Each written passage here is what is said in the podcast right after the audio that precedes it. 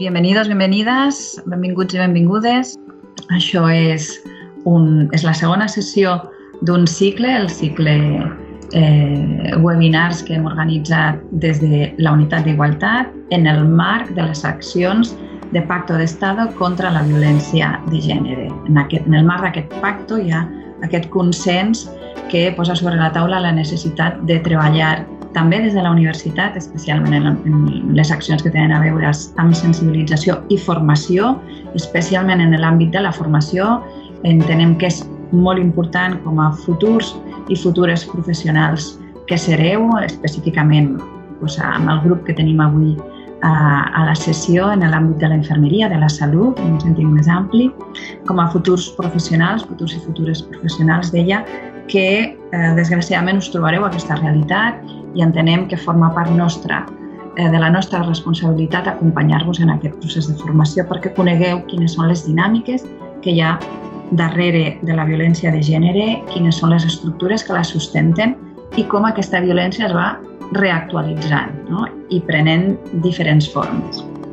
Doncs bé, eh, passo, jo a, passo ja a fer ràpidament la, la presentació. Deia la doctora Sílvia Carrasco, professora d'Antropologia Social a l'Autònoma de Barcelona, a la Universitat Autònoma. Ella és fundadora del Centre de Recerca en Migracions i també del grup Emigra, que centra les seves recerques en les experiències i trajectòries escolars de l'alumnat immigrant, també de refugiats i de classe treballadora. Estudia també les qüestions que tenen a veure amb política educativa i desigualtat social i amb un treball de camp molt ampli tant a Europa com als Estats Units. Destacar de tota la seva feina, que actualment treballa amb dues línies de, de recerca. D'una banda, tot el que té a veure amb l'abandonament escolar prematur i la integració social entre alumnat de classe treballadora i de segona generació, migrants de segona generació, i una segona línia eh, molt rellevant i que a nosaltres ens ha interessat molt no? per, per eh, l'abordatge que fa ella des de la perspectiva feminista, que és com estan penetrant les ideologies neoliberals en l'educació i l'impacte que té en el que es desitjava com a, com a línia de treball feminista, eh, la coeducació. Val? Sílvia ha dirigit nombroses tesis, ha dirigit molts projectes de recerca europeus i del programa I+D i a més és docent a graus, màsters, en fi, és, és, una, és una acadèmica de primera línia. A més, eh, té, una, té una dimensió mm, bueno, d'activisme, no sé si aquesta paraula t'agrada, Sílvia, és col·laboradora habitual amb mitjans de comunicació i també volia destacar que és actualment presidenta de Feministes de Catalunya. Muchas gracias, Inma. Eh, buen día a todos. Voy a pasar al castellano. Me han pedido que haga mi intervención en castellano, ningún problema. Tenemos esa suerte de compartir múltiples formas de comunicación y, muy, muy agradecida de, poder compartir reflexiones, inquietudes, em, para las cuales hoy lo que voy a hacer va a ser intentar trasladar conocimientos desde la antropología, conocimientos básicos, clave, desde la antropología para comprender qué nos está pasando, en qué momento estamos. ¿no? Es algo en lo que llevo trabajando en los últimos dos años de forma intensiva y mm, algunas cuestiones pues, eh, resultan muy de actualidad porque pues, asistimos a, debates que pueden dar un vuelco a la línea política que se estableció precisamente con el Pacto de Estado em, contra la violencia de género. He titulado mi charla violencia, patriarcado y neoliberalismo.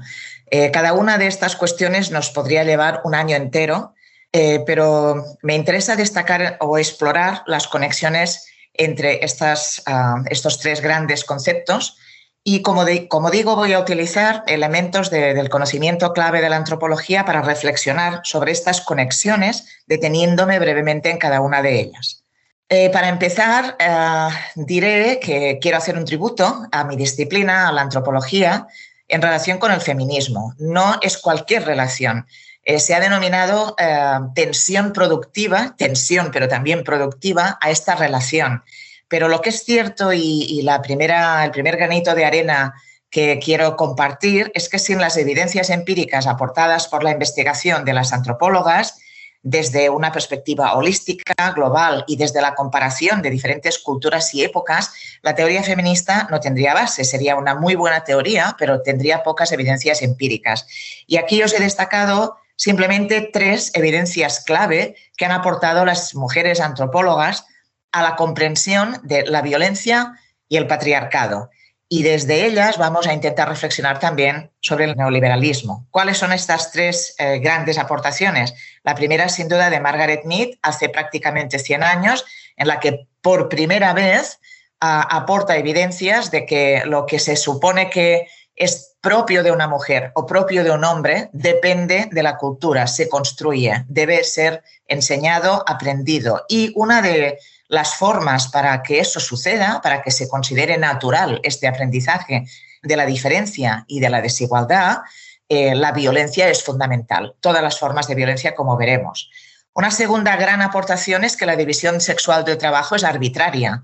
Em, aún persistes en la cultura popular de manera, de manera espectacular, pero no solo en la, en la cultura popular, también a veces en la, en la academia, esta naturalización de la división sexual del trabajo basada en ideas precisamente arbitrarias, como había ya demostrado Mead, sobre lo que es más propio de las actividades de las mujeres y lo que es más propio o se, o se adecua más a las actividades de los hombres. La división sexual del trabajo, eh, en, los primeros, la forma más simple de, de, las actividades de subsistencia que se conocen en la humanidad es la caza-recolección.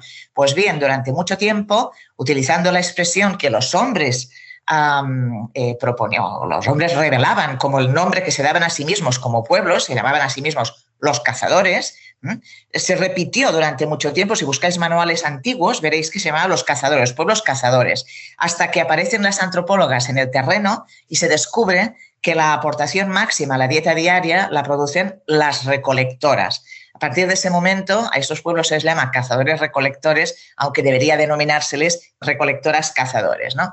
¿Esto quién lo hace? Pues lo hacen eh, sobre todo Francis Dalberg y Sally Linton, analizando ah, en, expediciones, em, eh, trabajo en equipo, etcétera, sobre el terreno, qué hace exactamente quién y cuál es la complejidad y la cooperación que se necesita para cada una de estas actividades. ¿eh? Es decir, la propia investigación estaba teñida de esta perspectiva cultural de la sociedad de las y los investigadores. ¿no? Aquí tenéis un pequeño chiste sobre, se supone que yo soy el cazador y ella responde, mira, se metió en medio, ¿no? me apareció en medio de mi zona de recolección, entonces tuve que cargármelo, ¿no? tuve que cazar.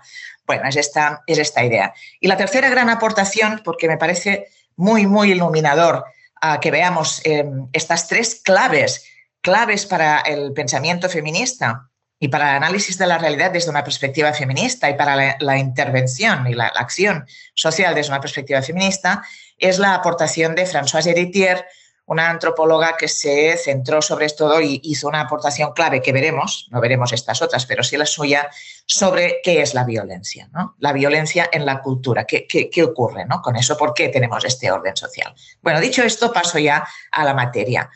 Todas hemos estado expuestas a experiencias y mensajes múltiples de violencia, tanto visibles como invisibles, de todo tipo, simbólica, social, física, sexual, económica. Aquí tenéis algunas imágenes que muestran, mm, sin necesidad de más explicación, muchas de estas formas de violencia más visible.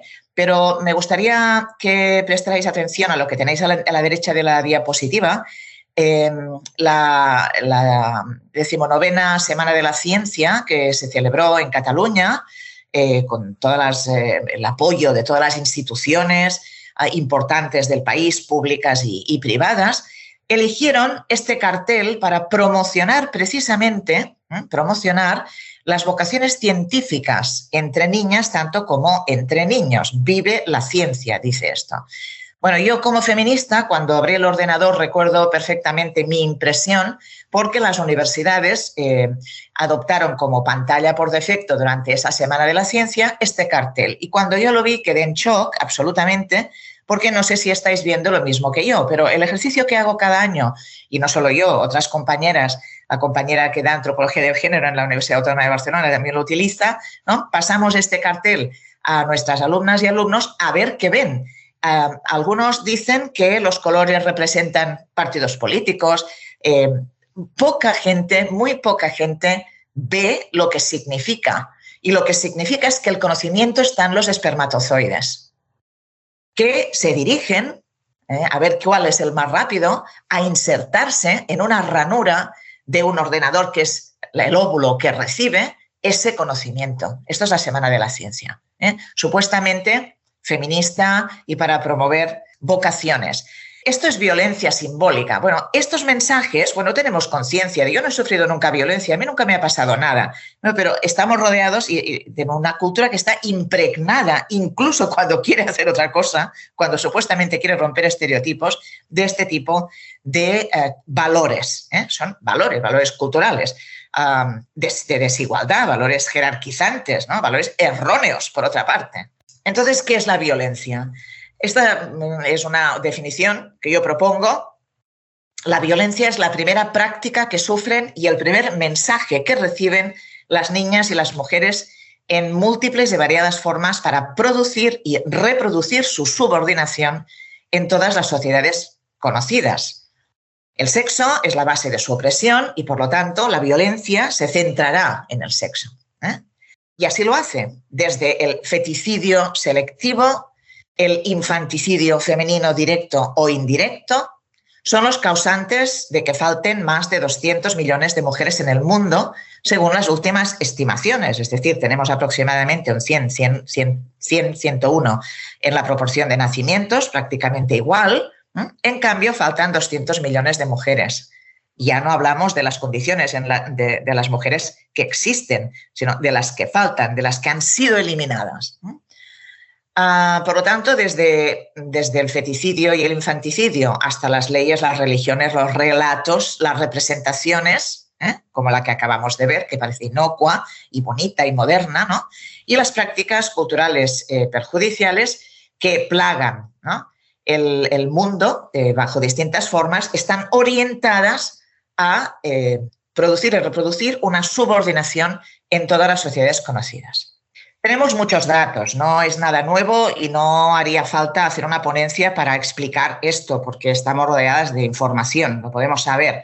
La Organización Mundial de la Salud estima que alrededor una de cada tres, de una de cada tres mujeres en el mundo ha sufrido violencia física o sexual o de pareja eh, por terceros en algún momento de su vida.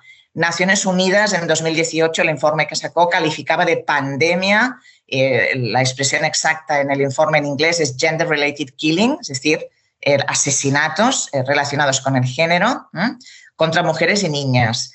Ah, la violencia machista que hace educa a los hombres en la idea de que las mujeres les pertenecen y a las mujeres en la noción de alerta permanente, lo que se puede denominar también terrorismo machista, ¿no? Alerta permanente de riesgo a partir de sus cuerpos o sobre sus cuerpos. Ah, de sobras es sabido, la violencia sexual es un arma de guerra. ha sido históricamente un arma de guerra, aniquila y mutila cuerpos de mujeres, ¿eh? se recrea en ellos. como dicen las investigadoras latinoamericanas, eh, Marcela Lagarde, Rita Segato, etcétera, en Ciudad Juárez, una de las cuestiones clave de los feminicidios que hay que entender es que el cuerpo de las mujeres es donde se escriben las señales, los señores de la guerra del narco. Es decir, que eh, no estamos hablando solo de violencia sexual en el sentido de acceso y consumo, estamos hablando de un campo de batalla, lo sabemos, en muchos otros pues, mm, eh, eh, aspectos y, espacios. ¿no? Sabemos también que durante el confinamiento aumentó en un 160%, este es el último dato que tengo, el número de llamadas al 016 en Cataluña. Los feminicidios sabemos que no computan a eh, agresiones ni crímenes contra mujeres que no tienen vínculo afectivo con sus agresores. Es decir, la cifra sería mucho mayor si se, contabilizara realmente la violencia, toda la violencia que sufren las mujeres. ¿no? Esto es un, déficit del Pacto de Estado que habrá que, revisar y corregir. La macroencuesta que salió en 2020 con datos de 2019 revelaba un aumento de la violencia sufrida por las mujeres más jóvenes y un dato muy interesante para las investigadoras de ciencias sociales como, como Inma Pastor o como yo misma, y es que muchas mujeres cuando fueron entrevistadas ¿no? por las técnicas de campo, de si habían sufrido alguna vez en su vida violencia machista, dijeron que era la primera eh, vez en su vida que se lo preguntaban y la primera vez en su vida que confesaban que sí, que se habían dado cuenta de que sí, y explicaban múltiples formas de violencia. Este es uno de los datos que se lee con mujeres más mayores. Os invito a consultar, eh, perdonad la cuña publicitaria, ¿no? La, la, página de nuestro blog de Feministas de Cataluña, que elaboramos, o que, recoge la campaña que elaboramos hace un año con motivo del 25 de noviembre, Día Internacional para la Erradicación de todas formas de violencia contra las mujeres, y que estamos ya a las puertas de este nuevo día y donde ahí hay una, una recopilación de todas las formas, de todos los datos y de todo el mundo para quien quiera, para quien quiera realmente ahondar en esta cuestión, en la cuestión de los datos. Pero nos importa sobre todo ver que la violencia, por lo tanto, es una herramienta, es una herramienta del orden patriarcal en el que vivimos. Entonces vamos a ver ahora qué es el patriarcado. Y luego veremos, volveremos sobre la violencia, por supuesto, cuando pongamos en relación estos conceptos. El patriarcado es un sistema que es universal. ¿eh?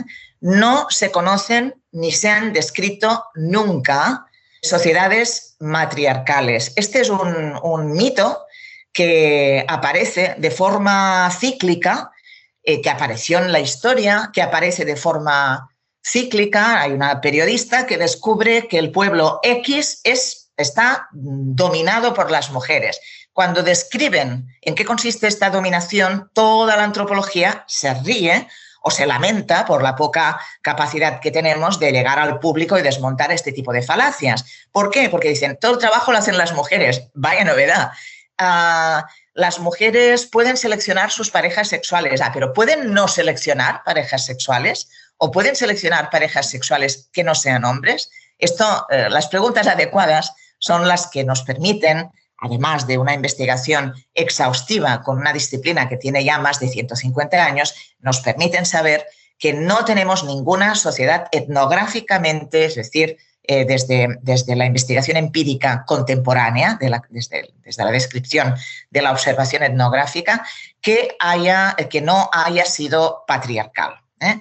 Eh, con distintas modalidades.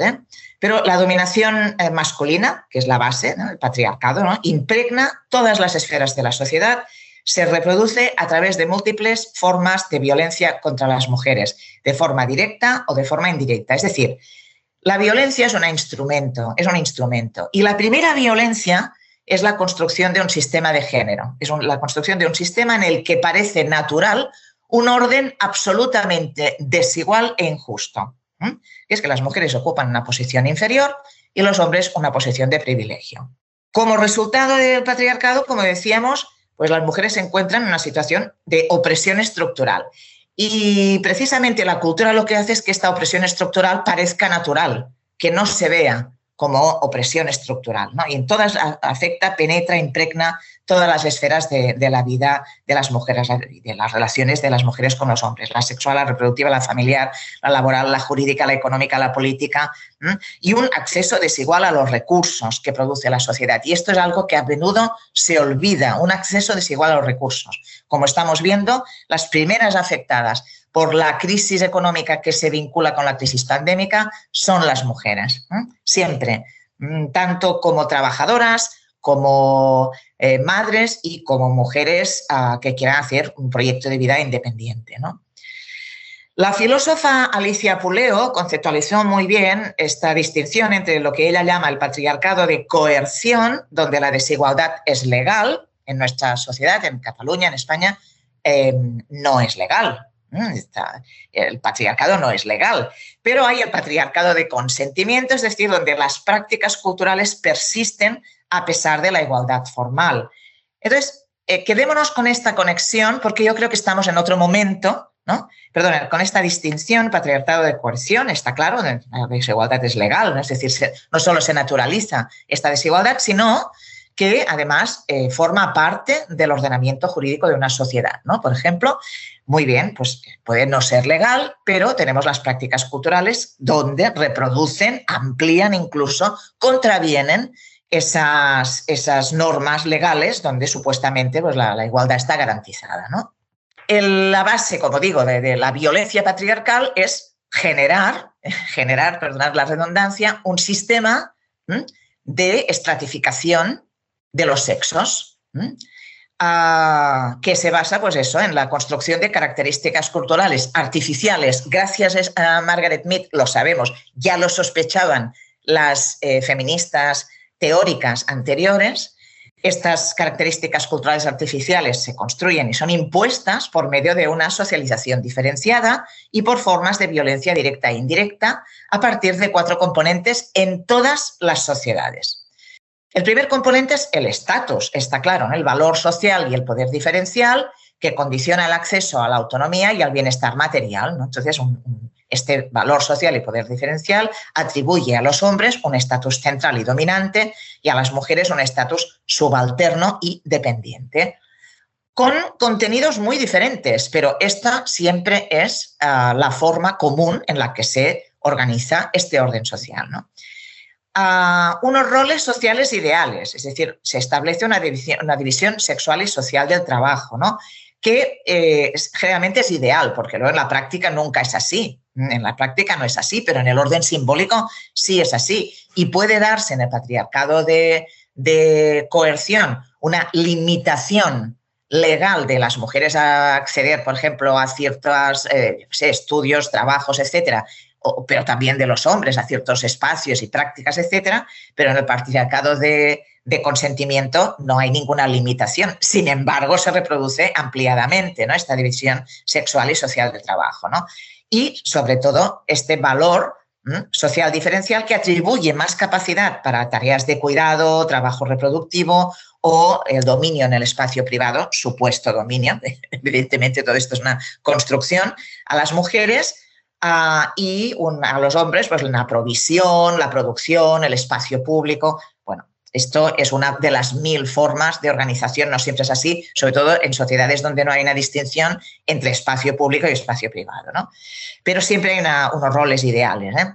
Un comportamiento, unos comportamientos esperados, es decir, hay que aprender a comportarse como hombre y aprender a comportarse como mujer y aceptar el papel que se nos asigna en este orden social desigual, ¿no? Actitudes y conductas que se promueven pues, con esta socialización diferenciada de estatus y roles reservados a mujeres y hombres. Por ejemplo, por ejemplo, esperar obediencia y emocionalidad de las mujeres, esperar liderazgo y racionalidad de los hombres, ah, y al mismo tiempo reprimir los comportamientos contrarios a los, a los que se esperan, que esta es la violencia ¿no? de, la, de la educación. Y finalmente, unos marcadores que pueden ser modificaciones físicas o estéticas diferenciadas de mujeres y hombres. Decía Pierre Bourdieu que en la dominación masculina que precisamente para reforzar y, eh, transmitir de forma inequívoca este orden social, se feminizan los cuerpos de las mujeres y se masculinizan los cuerpos de los hombres. Yo misma estoy llevando ahora mismo pendientes, eh, resignificados estéticamente, todo lo que queráis, pero es un marcador físico. Cabello ah, o, por ejemplo, prácticas de manipulación de los genitales o perforaciones en diferentes partes del cuerpo o vestidos o complementos, etc., que marquen, que marquen claramente la posición que ocupamos. ¿no? Son, son cambiantes, pueden ser incluso contradictorios porque son totalmente construidos e inventados en cada, en cada sociedad, cultura y época. Vamos a ver, eh, de todas maneras, eh, cuando decimos esto de cada sociedad, cultura y época, vamos a ver eh, algunas comparaciones de, lo que ocurre en patriarcado de coerción y en patriarcado de consentimiento, teniendo en cuenta que vamos a suponer que es cierto esto del patriarcado de, coerción y de consentimiento, me parece un buen, un buen marco teórico, aunque pienso que estamos en, en un momento más grave todavía. ¿no? Es un clásico en antropología, cuando se habla de la violencia de otros pueblos y culturas preestatales, hacer referencia a los Yanomami. Los Yanomami son un, grupo eh, cultural del Amazonas, eh, estudiado reiteradas veces, entre los que destaca sobre todo un comportamiento muy violento sobre los cuerpos de las mujeres. Esto ocurre en otras culturas, pero el caso de los Yanomami sería la referencia común en antropología. Los cuerpos de las mujeres, eh, en realidad, es donde se ejecutan las disputas y las venganzas entre los hombres, que también se pelean entre ellos, pero pueden ejercer daño físico contra las mujeres de su adversario cuando tienen disputas o quieren vengarse. Y también es el, campo donde descargar malestares. ¿Esto em, a qué nos remite? Esto nos resulta tan, tan, tan alejado, tan, tan, tan diferente de la experiencia cotidiana en nuestra sociedad? Bueno, en febrero de 2021, London School of Economics, que no es precisamente una, un centro de, investigación y estudio secundario, sino de primera, de primera línea, ¿no? publicó eh, un estudio según el cual eh, existe una relación directa entre la victoria de los equipos ingleses de fútbol y el registro de la violencia eh, de género. Eh, vinculada con, al alcohol, al, uso del alcohol ah, y de forma sistemática. Y todos los datos. Y uno de los titulares recuerdo que decía por qué las mujeres en Inglaterra quieren que gane el equipo de fútbol de sus maridos. Bueno, parece ser, parece ser, y perdonadme la ironía, que eh, el alcohol se consume igualmente, que la euforia, obviamente, y el, comportamiento de grupo, ¿eh? de manada, de hecho, se produce igual, pero eh, así como en el caso de Victoria, lo que habría, digamos, es un aumento de, la violencia sexual cuando, por ejemplo, no hay consentimiento, no hay deseo por parte de sus mujeres. En el caso de derrota es la descarga sobre los cuerpos de las mujeres, tanto la violencia física como la violencia sexual, después de los partidos. Y esto ha sido estudiado sistemáticamente. Bueno, eh, a lo mejor me llaman exagerada, pero a mí me parece un contraste nada secundario y muy interesante. Crímenes de honor, otra de las prácticas execrables que asociamos únicamente al patriarcado de coerción, ¿no? Pues el prestigio familiar se mide por la honorabilidad de sus mujeres y tenemos, bueno, un montón de ejemplos, desgraciadamente, donde los crímenes de honor están a la orden del día, no solo los crímenes de honor, sino la inducción al suicidio de las mujeres y las chicas jóvenes sobre todo que creen que van a ser asesinadas o que realmente no pueden soportar la presión ah, como esclavas que son de sus familias y comunidades. Esto es así. Esto ocurre además aquí también, en Cataluña, en España. ¿eh? Bueno, muy bien. Resulta que eh, ahora, pues una de las modalidades que está creciendo de, violencia contra las mujeres es la ciberviolencia, ¿eh? todo lo que tiene que ver con prácticas vinculadas con la cultura digital, con la, el consumo de cultura digital sexualizada. El 73% de las mujeres y las niñas han sufrido ciberviolencia, según una noticia relativamente reciente de, una investigación de la que se hace eco La Vanguardia. Em, la imagen, la imagen es de una mujer desolada, cuando eh, ve una imagen en la que podemos suponer que igual sale ella misma. ¿Qué quiero decir con esto? Hay un marco mental compartido sobre el honor y la honorabilidad absolutamente contrario a la libertad sexual de las mujeres. Podríamos decir que, de hecho, ahora no es lo que haces, sino lo que se ve que puedes estar haciendo o lo que se ve que hayas hecho. Sabemos que hay suicidios inducidos por ciberacoso, todos basados en ciberviolencia de carácter sexual. Hay un caso reciente que dio mucho que hablar de entre dos compañeros, una, una, mujer y un hombre, en una empresa, que finalmente la mujer acabó suicidándose porque el hombre había grabado ah, o había utilizado una grabación que ella había hecho de sí misma como parte de sus juegos sexuales, totalmente respetables, ¿no? Em, y ah, pues había amenazado con, o, había empezado ya a divulgarla, la mujer se suicidó. Esto es un caso recurrente, a lo mejor no llega al suicidio, pero sí el relato es el mismo y el efecto es el mismo. Es decir, esto, ¿por qué el hombre lo puede publicitar pensando que hace daño a la mujer? Porque se comparte este marco mental de la honorabilidad. Eh, basada en el sexo, el comportamiento sexual de las mujeres. Em, es algo que, no voy a proponer que hagamos ahora, pero, pero lo comento muchas veces con mis estudiantes y con, compañeras, ¿no? Eh, cuando eh, bueno, nos dicen, es que claro, fíjate, ¿no? sexting, ¿no? te pueden grabar en cualquier momento, pueden enseñar tus pechos. Yo soy partidaria de que nos desnudemos un día, hagamos una especie de concentración virtual, un happening virtual, todas las mujeres feministas, y nos desnudemos de diferentes edades, condiciones, etcétera, ¿no? nos desnudemos delante de las cámaras, que copien lo que quieran y se acabó el negocio, la tontería, ¿eh? se acabó. Pero eso significaría eh, contraponer un marco mental en el que, bueno, ¿y qué? ¿no?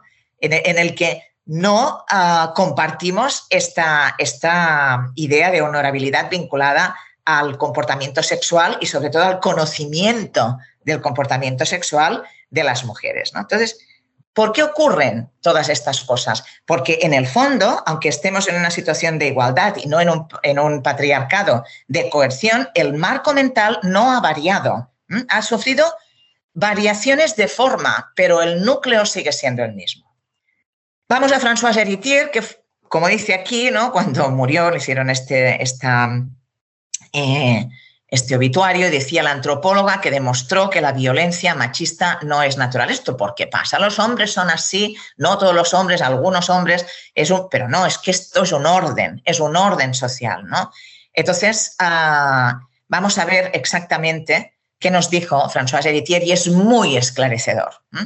Ningún animal agrede a sus hembras, excepto la especie humana, que, eh, lo recuerdo, para quien a veces se olvide, somos animales. Algunos animales matan a las crías de las hembras, pero solo para interrumpir la, la, lactancia y volverlas sexualmente receptivas. Esto es así, si habéis visto documentales de leonas con eh, cachorros de león y aparece una manada de leones, se cargan a todas las crías y las leonas aparentemente como mecanismo de defensa se vuelven, segregan. Eh, segregan pues, hormonas, eh, perdón, hormonas, segregan olores, etcétera, indicadores, ¿no? Indicadores para, para enviar el mensaje de que son sexualmente receptivas, ¿no? Bueno, eh, es cierto que a menudo los machos pelean entre ellos por la supremacía en una manada, pero jamás combaten ni matan a las hembras de su grupo. Esto es algo que no ocurre. La violencia de género, la violencia sistemática y estructural contra las mujeres para mantener este orden, no responde a ninguna ferocidad natural. No está en la testosterona, en absoluto, en absoluto. Esto es una construcción científica que desgraciadamente está muy arraigada y es muy popular, es totalmente falsa.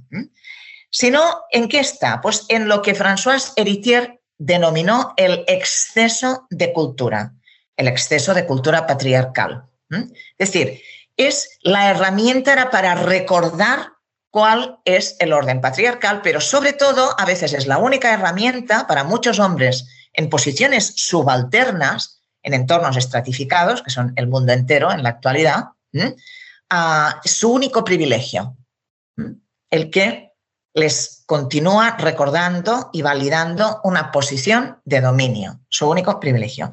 Entonces, esto sucede colectivamente, como hemos dicho, los cuerpos de las mujeres como campos de batalla contra el enemigo, sucede individualmente y se replica, desgraciadamente, cada semana.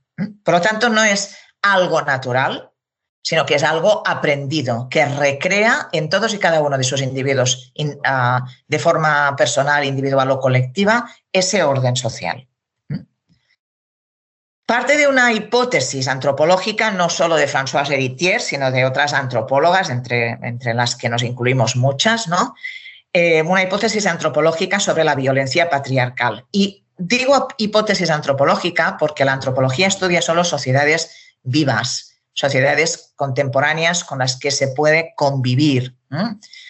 Ah, y por lo tanto, lo que puedan decir arqueólogas, historiadoras, pues se suma al conjunto de explicaciones que intentamos avanzar para comprender este orden social injusto y sobre todo para analizar cómo podemos darle la vuelta a este orden social injusto, ¿no? Porque si algo nos, si algún mensaje nos lanza la antropología, el conocimiento antropológico de la diversidad sociocultural de más de 6.000 culturas bien descritas, es que efectivamente otros mundos son posibles. Por lo tanto, podemos aspirar a, con el conocimiento que nos brinda de toda esta diversidad de formas de lo que hasta ahora ha sido un orden social patriarcal, mm, elementos para subvertir este orden social patriarcal y sobre todo el mensaje de que este orden está construido y es injusto, no, no, no es aceptable. ¿no? Bueno, pues esta hipótesis antropológica de alguna manera tiene dos vertientes, que es una primera violencia, la idea de una primera violencia, una violencia original, que es la apropiación.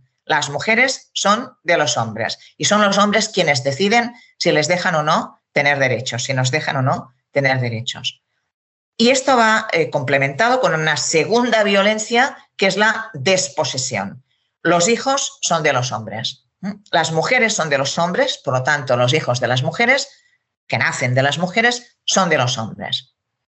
Ah, también por aquí circulan algunas ideas de proyecciones de, la sociedad ah, contemporánea sobre la paternidad, eh, etcétera, etcétera. Esto es ah, son inventos contemporáneos que no podemos proyectar a otras culturas y al pasado. La cuestión es si las sociedades son más natalistas o menos, o más eh, pronatalistas o más antinatalistas, eh, cuál es la forma de adaptación eh, ecológica, tecnológica y demográfica de cada sociedad, cultura y época, pero siempre se produce una apropiación y una desposesión.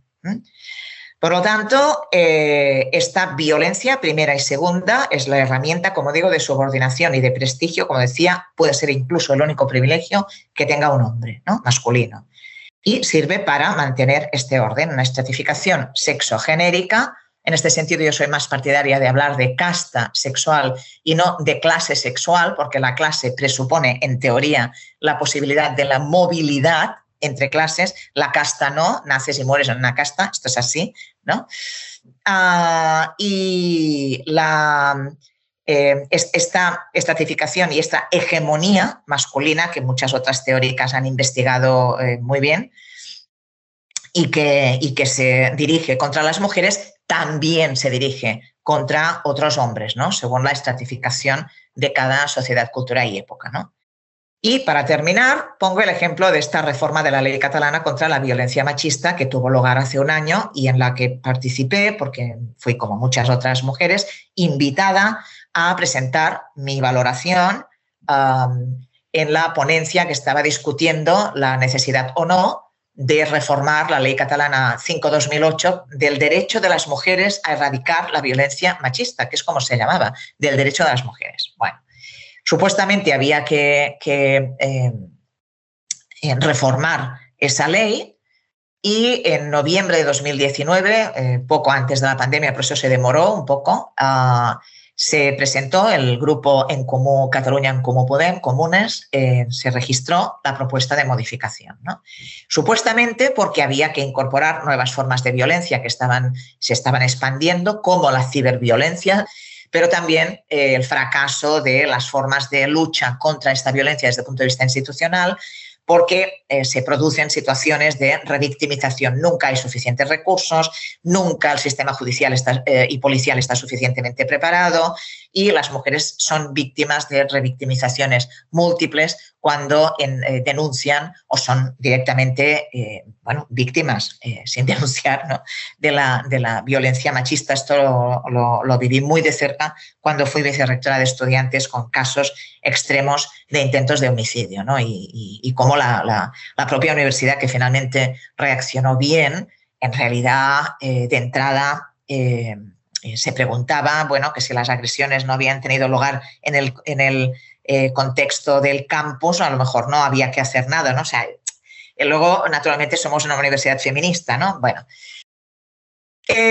pues todos estos eran los objetivos, pero en realidad, y para simplificar, ¿qué ha hecho esta modificación de la ley, como todas las modificaciones de las leyes que están teniendo lugar, la ley de educación, la propia ley de lucha contra la violencia a la que son sometidos niños y niñas, la lucha por la protección de la infancia, la llamada Ley Rhodes, también contiene este tipo de articulado y hay 44 ah, leyes autonómicas o de carácter estatal y todas las autonómicas son leyes estatales, forman parte del ordenamiento jurídico español, ¿no? que contienen elementos que disuelven el sujeto, mujer, ah, y que alteran la comprensión de la forma principal de mantenimiento del orden patriarcal, que es la violencia. ¿no?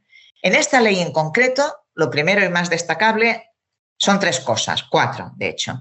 Se sustituye la categoría mujer, la categoría jurídica mujer, por un conjunto de identidades definidas por sentimientos objetivos, por lo que el propio significado de la violencia machista, que es el objeto de la ley, pierde todo sentido.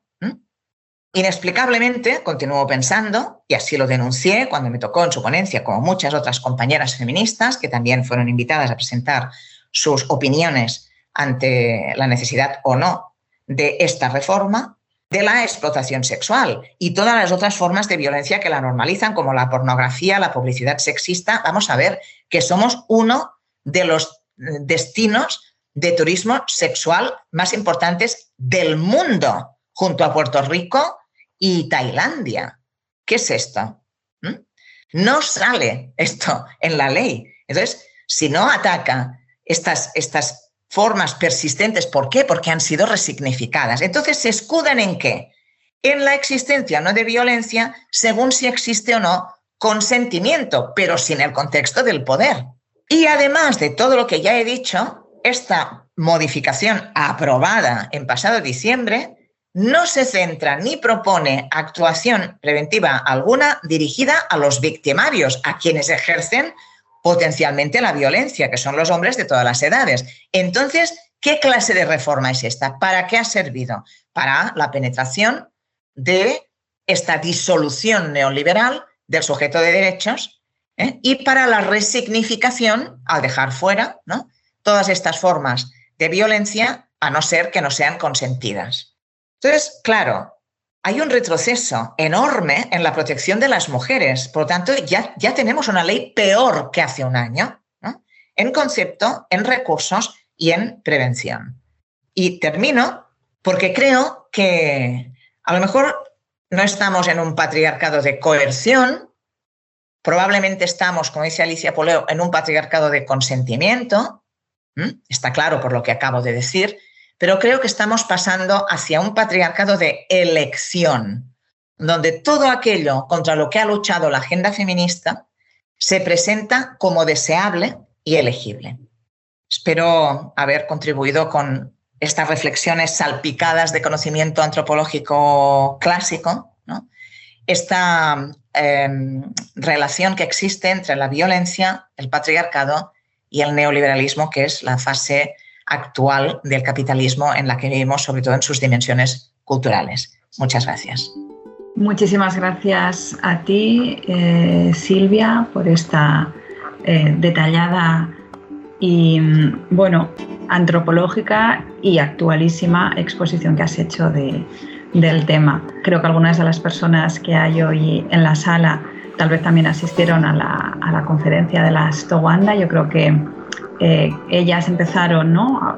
poniendo el, género sobre la mesa y la necesidad de abolirlo, ¿no? el género como constructo y como instrumento analítico que nos permite explicar y entender. Y bueno, eh, sin que os hayáis hablado, yo creo que tu, tu, exposición coge ese hilo y lo desarrolla profundizando en esta mirada antropológica, pero como digo, súper actual en el contexto en el que, en el que estamos situadas. Así que yo creo que, bueno, en ese sentido, pues encaja, ¿no? Encaja muy bien y, nos añades elementos para poder entender muchas de las cosas que están pasando hoy en día.